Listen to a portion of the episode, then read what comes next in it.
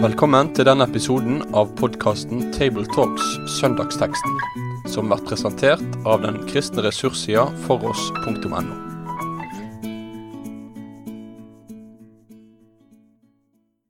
Hjertelig velkommen til en eh, ny episode av uh, Tabletalks, eh, søndagens tekst, hvor vi skal snakke om søndagens preiketekst. Uh, og i dag så skal vi snakke om den teksten som kommer nå til sjette søndag i trenestida, den søndagen som også kalles for aposteldagen i kirkeåret. og helt siden oldkirka så har aposteldagen blitt feira, nærmere bestemt 29. juni, mens i det norske kirkeåret så legger man til sjette søndag i trenestida. Så er dette i år klaffer det godt. I år så er det 1. juli, så i år er vi nær det som er aposteldagen. Det er en dag vi feirer til å, til å minne om eh, at Peter og Paulus ble martyrer i Roma, sånn som tradisjonen har pleid å si. Og det er òg at i kirken i dag så vil den liturgiske fargen være rød til minne om blodet, martyrblodet. Og så passer jo det ellers at vi feirer denne dagen i treenighetstida. Eh, treenighetstida som er denne perioden etter pinse, hvor vi eh, markerer og, og, lever i, eh, i eh, pinsens tid, der ånden er gitt, og der eh, Jesus er foran opp til himmelen, og, og der vi eh, som kristne skal, skal tjene Han og, og, bringe ord om Han videre. Og når vi markerer aposteldagen, så passer det seg at det er i pinsetida, i trenestida, i den tida hvor åndens virke skjer i menighetene. For oss å snakke om denne teksten i dag, så har jeg med meg mine vanlige eh, samtalepartnere, som er Toril Slottsveen Asp. Og Sverre Bø. Og så er jeg sjøl Knut Kåre Kirkholm og er den som skal styre litt ordet. Det er Toril som skal få gleden av å lese denne teksten fra Matteus 16, vers 13-20.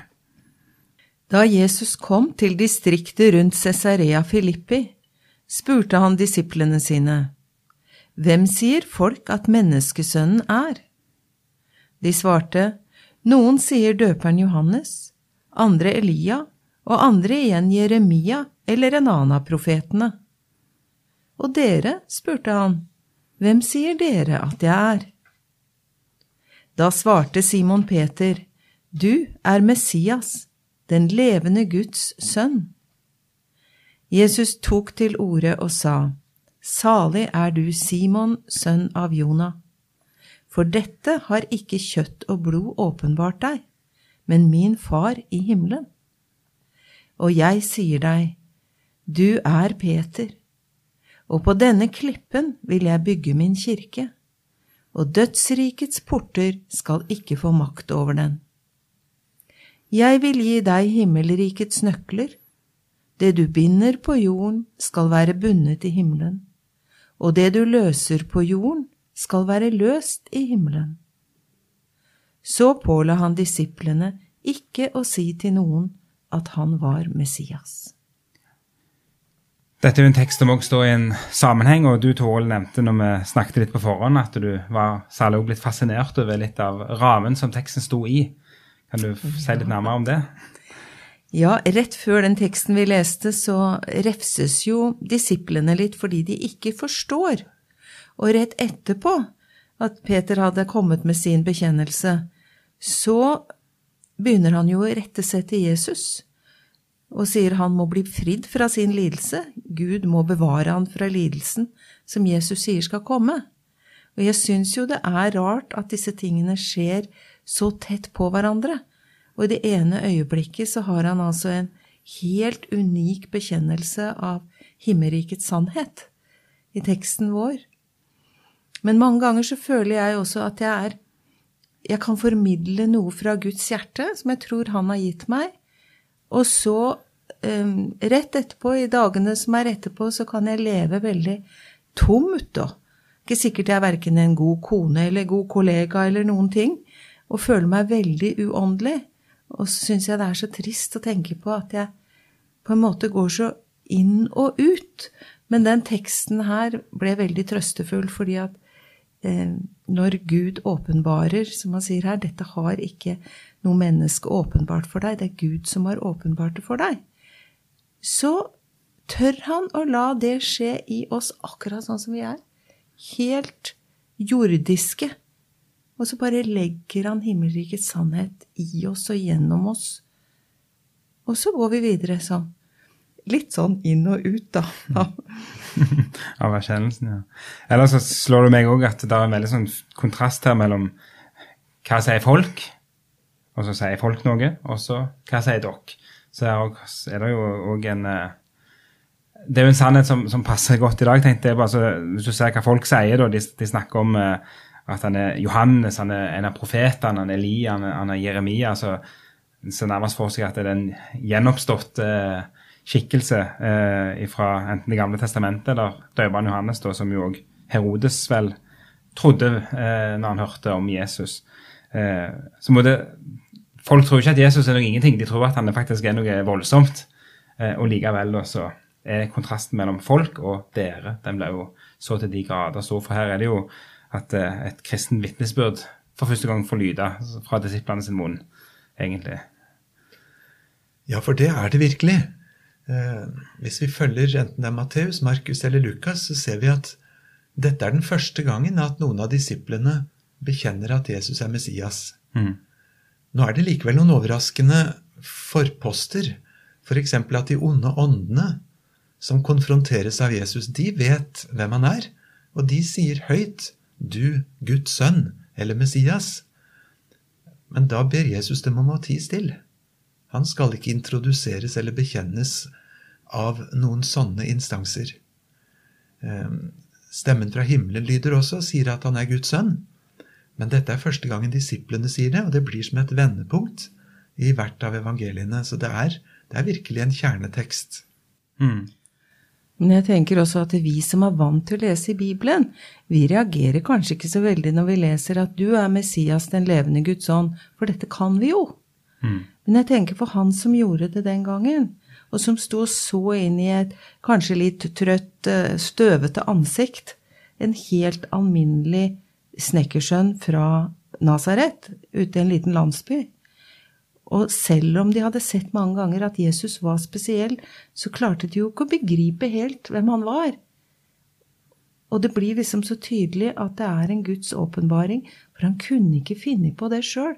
Det var jo ingenting som utstrålte en sånn himmelsk herlighet, tror jeg, der de satt og prata sammen. Mm. Og så bruker han altså ordet 'du er Messias'. Det var frelserkongen, det var liksom David i bakgrunnen. Det var Guds utvalgte.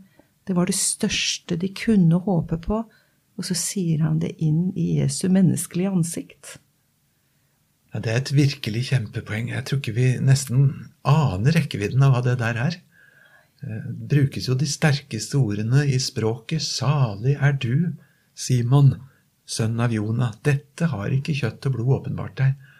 Det er så spesielt og så ekstra. Og så kan jo vi spørre oss har vi sklidd ned i der hvor det bare er en selvfølgelighet?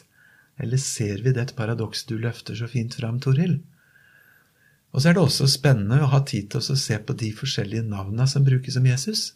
Her står det Messias, den levende Guds sønn. Det er jo to knallsterke bekjennelser. Messias og Guds sønn. Og da Jesus stilte spørsmålet, så spurte han ut fra ordet menneskesønnen. Og så er det et godt knippe til av sånne titler som brukes om han. Han er Davids sønn, Guds sønn, menneskesønnen. Han er Herren, han er Messias, eh, og enda flere uttrykk.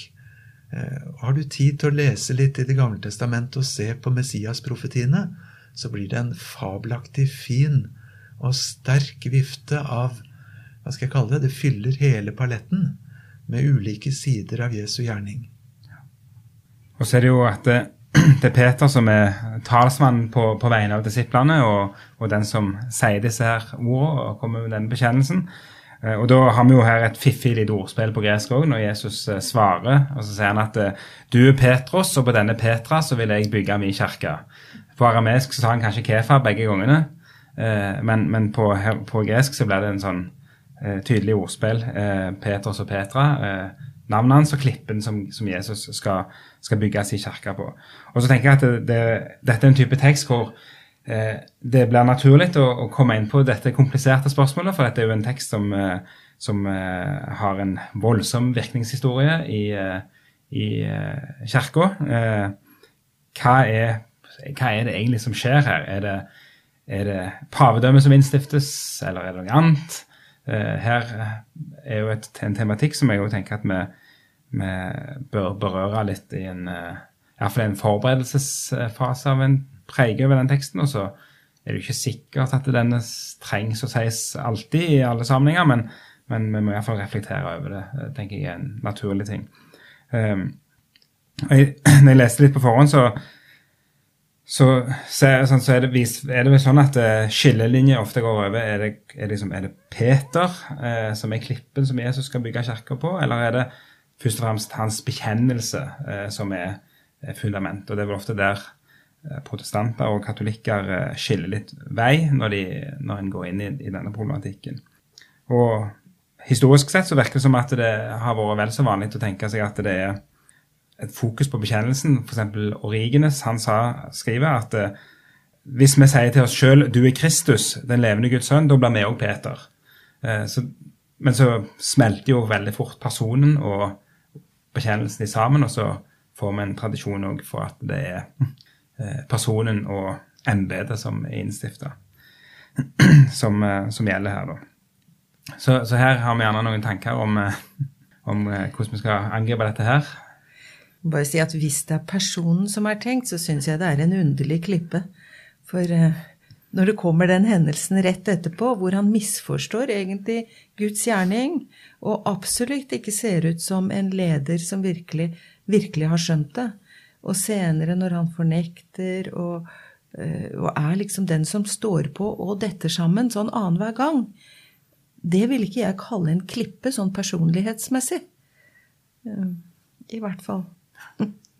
Og så tenker jeg det er et lite element her også at dette at Peter, selv om han har dette navnet, så sier han jo ikke 'salig er du, Peter, klippen', men han sier 'salig er du, Simon, sønn av Jonah'. Og når han også bruker det den gangen han sitter og spør 'elsker du meg', så, så tenker jeg at han, han holder også Peter fast som den jordiske mennesket han er, samtidig som han får del i himmelens herlighet. Og, og ser, det ser ut som Jesus' største glede kommer til uttrykk når noe fra himmelen virkelig går opp for et menneske, eller blir åpenbart, for det sier han jo også i, i Lukas 10, 21. Han jublet fordi Gud åpenbarte det for de som ikke var de store og sterke og vise. Og så sier han kanskje det samme her også. Og salig er du. Og så gleder Jesus seg over at et helt alminnelig menneske kan eh, bekjenne sannheten. Så der er han kanskje ikke liksom klippen på den måten vi tenker oss liksom det store, sterke som aldri vakler. Mm. Ja, det er så sant. Og jeg er jo veldig glad for å få lov til å bekjenne at jeg hører til i Jesu Kristi kirke, ikke i Simon Peters kirke. Ingen kan legge noen annen grunnvoll enn den som er lagt. Men så får vi lov til å bygge videre på den grunnvollen som er lagt, i størst mulig troskap. Men så vil jeg også si at Gud bruker noen tjenere, en Maria Jesu mor og en Peter apostelen, han bruker noen på en slik måte at det blir noe helt spesielt med det de fikk være med på. Eh, som lutheraner så kan vi av og til ha så mye behov for å dempe både Maria-fromhet og Peter-hyllest at kanskje vi går glipp av det som faktisk står. Eh, personlig føler jeg ikke noe behov for noen av delene. Jeg hører til Jesu Kristi kirke. Jeg ser på Peter som en bror, som bekjente slik jeg forsøker, som feiler slik jeg dessverre gjør det, Eh, å hovere over hans feil eh, håper jeg ikke jeg skal gjøre. Eh, og de slutta jo dessverre ikke med pinsedag. Han hyklet jo, skriver Paulus i Galaterne 2, mm. lenge etter at han hadde fått en ledende rolle som apostel. Så skulle han være ufeilbarlig, så det, må det være et enda ekstra under etter det Bibelen forteller. Og det tror jeg ikke har skjedd. Men at Gud har brukt dem. Og det blir det store også i det som står om at ikke engang dødsrikets porter skal få makt over Jesu kirke. Ikke engang feilende apostler. Om kirkemøter tar feil, om de vi selv har stolt mye på, som har betydd mye for vårt åndelige liv, viser seg å svikte eller være hyklere, eh, så er ikke Guds kirke knekt av den grunn. Og når en ser på egne feil og brist, så skal jeg likevel få tro at Gud i himmelen kan bruke noe av dette til å bygge videre på en kirke også i min tid. Det gir et utrolig godt løfte, og oppmuntring, syns jeg, for det vi får være med på i en vanskelig tid som vår. Så er dette aposteldagen, så det er òg den dagen vi skal få kunne nettopp snakke om, om Peter, om, om apostlene, og det at kirka er bygd på, på apostlenes grunnvoll eh, og profetenes grunnvoll, som det, som det, står. Så det er jo det som har denne balansen, at vi, som du sier, at vi ikke Vi trenger ikke gå i en sånn en overdreven hyllest, men vi heller ikke la reaksjonen føre til at vi glemmer å snakke om uh, viktigheten av at det var, var, disse. Så det tror jeg er et, eh, et vist, viselig tanker med seg.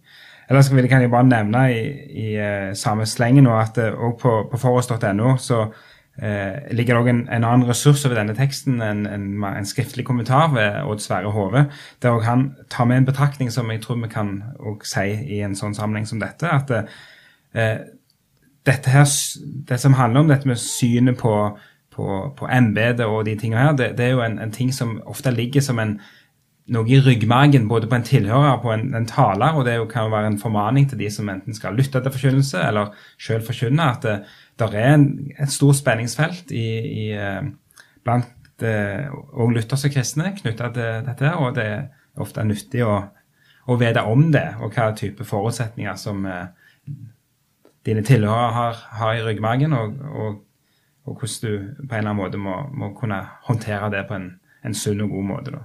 Så det syns jeg var en, en, eh, en klok, klok, og vis eh, påminnelse og til de som skal forkynne over teksten, at det, eh, her er det jo en del sprengstoff eh, som absolutt eh, skiller folk, der folk skiller lag i, i synspunkter, da, og at det er viktig. Men så har jeg lyst til å gripe litt fatt i det som du nevnte, Sverre, med, med dødsriket som ikke skal få makt over kirka. For det er jo fantastisk eh, et fantastisk løfte. At, eh, at eh, den skal kunne stå seg imot alt, nærmest. og Det er òg interessant at det skjer i Cesarea Filippi, som vi både kan se på som keiserbyen og som et uttrykk for Romerrikets makt og keiserens makt. Og at flere påpeker at dette området her fra gammelt av var knytta til gammel religiøsitet, eh, og særlig dette med underverden, og, og, at dette området ofte ble, ble sett på som porten til underverden. Så det, det er sånn, litt sånn ironisk, morsomt, guddommelig ironisk nesten, at det, fram, dette vitnesbyrdet som Peter bærer fram, og dette utsagnet fra Jesus, det skjer på, dette punktet hvor, eh, som så til de grader er definert eh, som uttrykk for motkreftene til, som Kirka tross alt skal kjempe imot. Så det ligger sånn en dobbel eh, liten oppbyggelse, kanskje, i, eh, i eh, selve plassen som, hvor dette skjer. Men, men at kirka eh, skal gå fram uansett, og, og, og den står seg, og dødsrikets porter får ikke makt over den, det er òg et fantastisk løfte som, som Jesus gjør. Men jeg tenker på også når Jesus sier eh, han vil bygge sin kirke, så har vi kanskje litt forskjellige assosiasjoner til ordet kirke. Mm. Er det strukturene, er det si, bygningene, organisasjonen, eller hva er det han tenker på? Og det ordet som er brukt, det, det betegner vel en forsamling av mennesker. Så kirken han skal bygge, er en forsamling av mennesker som bekjenner som Peter. Og vi som får lov å være i den forsamlingen, da, og andre som kommer inn Det er på en måte over oss dødsrikets porter ikke skal få makt. Vi skal ikke, vi skal ikke bære det, men vi, vi, er kalt inn i det fellesskapet som han kaller min kirke. Byggverk av levende steiner, som Peter sjøl skriver om senere. Mm. Og så er det jo ett moment til som vi må få berørt før vi går mot en avslutning, og det er jo dette her eh, med nøklene som eh, ble gitt. Eh, og vi har vel et uttrykk 'nøkkelmakt' som vi bruker. Og har du, Sverre, noen betraktninger over hvordan vi skal tenke om disse tingene her, og hva vi kan si og ikke si? Og jeg skal være ærlig og si jeg syns det er utfordrende. Så langt jeg ser, så snakket Jesus om det i tre forskjellige sammenhenger, som kommer i tre forskjellige tekster. Det er her i Matteus 16 retta til Peter, Og så er det i Matteus 18, den store disippeltalen til Jesus. Og så er det i Johannesevangeliet 20, på oppstandelsens dag, når han sender dem med det store budskapet. Det er litt ulikt formulert, og hva det er som eventuelt løses og bindes. Mm. Men alle tre stedene så er det nettopp den dobbeltheten. Det er både det gode med at noe løses, og altså tas bort, men så er det også den sterke og alvorlige tanken om at noe faktisk fastholdes. Nå skal ikke jeg gjøre meg sjøl til noen eh, stor sjelesørger eller pastor eller lignende, men det er vel i grunnen ingen situasjoner som er tyngre som forkynner eller bibellærer enn å stå ansikt til ansikt med noen som ikke er villig til å bryte med synd eller med falsk bekjennelse, men som aner konsekvensene, og der du har så lyst til å snakke om evangeliet og tilgivelse, men det egentlig ikke er det som er rett ord i rett adresse. Så ved siden av alle slags diskusjoner, enten de er barnslige eller andre, om det gjelder bare et embete eller hvem det gjelder, så ligger det en smertedimensjon som ikke vi skal underkjenne i det. For de står parallelle, disse leddene. Og hvordan det tar seg ut til den faktiske virkelighet, det syns jeg er krevende. Eh, men det er jo heller ingen tjeneste i denne verden som er større og flottere enn å få lov til å dele syndenes forlatelse med noen som bekjenner synd, eller som vender om til Gud, det er virkelig å løse. Og det er flott at uttrykket nøkkel brukes, altså en dør som er bom låst. Mm. Plutselig er den åpen. Tenk på dette ordet til Philadelphia i Johannes' åpenbaring 3. Eh, der presenterer Jesus seg og sier det er han som låser opp sånn at ingen kan lukke igjen. Og det er han som lukker igjen sånn at ingen kan låse opp. Og når det så gjelder deg, Philadelphia, så har jeg satt foran deg en åpnet dør. Himmelen definerer døren som åpnet. Ikke bare åpen, den var låst, men så kom Jesus og låste den opp. Og nå finnes det en åpen port inn til Guds rike og inn til Guds himmel. Og det er jo summen av det vi driver med i kristen forkynnelse. Å forkynne Jesus som han som har låst opp en dør. Så det finnes en frelsens vei. Men så tenker jeg på det siste som står i teksten. Mm. Så påla han disiplene å si til, eh, ikke å si til noen at han var Messias. Og det er et sånt vers som jeg tror en del mennesker syns er rart Mm. å lese. fordi at eh, når de først hadde skjønt det, hvorfor skulle de ikke da ut og forkynne det på gater og streder at de hadde funnet Messias? Det fikk hun lov til, hun kanane, eh, ikke kananeiske kvinnen, men hun Samaritanske. samaritanske Mm. kvinnen. Mm. Hun dro av sted, men hun sa 'Kan han være Messias?' Og her får de beskjed om ikke å si det. Jeg tenker, Kan det ha litt å gjøre med for det første at tiden ikke var moden, og at mennesker hadde sånne type forventninger til Messias som en jordisk befrier, som ble feil? Men at disiplene også trengte litt mer tid til å få vite hva det betød å være Messias. Eh, For det viser seg jo igjen da i det Peter sier etterpå, eh, at han misforstår Guds frelsesgjerning. Så han, han legger kanskje noe annet i Messias enn det Gud gjør. Og det tenker jeg kanskje er en fare som mange opplever i dag også, i, i menigheter hvor den er den, den herliggjorte siden ved Messias. Og det guddommelige, åndelige og kanskje litt overåndelige som skal praktiseres på alle områder i menigheten og i den enkeltes liv. Og så krasjer det så totalt mange ganger med livserfaringen til folk, og så blir menneskene gående med en dyp frustrasjon og nesten uløselig smerte på at denne herliggjorte Messias ikke i gåseøyne fungerer i mitt liv. Så, så kanskje det trengs virkelig en, en dyp forståelse som tar tid, og blir åndelig bygd opp i en rett åndelighet og en rett forståelse av disse dype sannhetene som Jesus åpenbarer, da. Litt etter litt. Det som Gud hadde åpenbart for Peter, det forsto han på en måte, men samtidig så måtte det vokse fram. Det, det handler vel om det kristne livet. Langt på vei. Det var et For det er ikke bare viktig det å ha den riktige bekjennelsen, og så er alt gjort. Mm. Ja, det er et fint poeng. Eh, vi skal nærme oss en avrunding, eh, og jeg vil gjerne stille det litt tradisjonelle spørsmålet som jeg pleier å stille til slutt. og Det er hva en ville sjøl løfte fram i en tale ved den teksten, og du sa jeg kan få peke hva du har merka deg særlig. Ja, jeg ville håpe at jeg fikk sagt noe godt om Jesus som den store frelseren.